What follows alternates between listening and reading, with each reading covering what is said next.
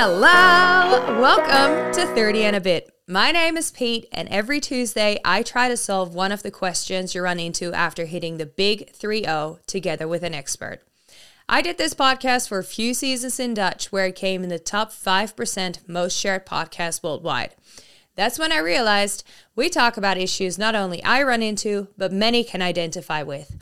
So here we are, bringing it to a bigger audience in English.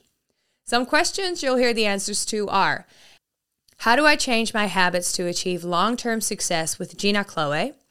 How do I nail an interview and earn what I'm worth with Sam DeMase from A Power Mood? How to deal with panic attacks with Kelsey Darragh from Confidently Insecure podcast.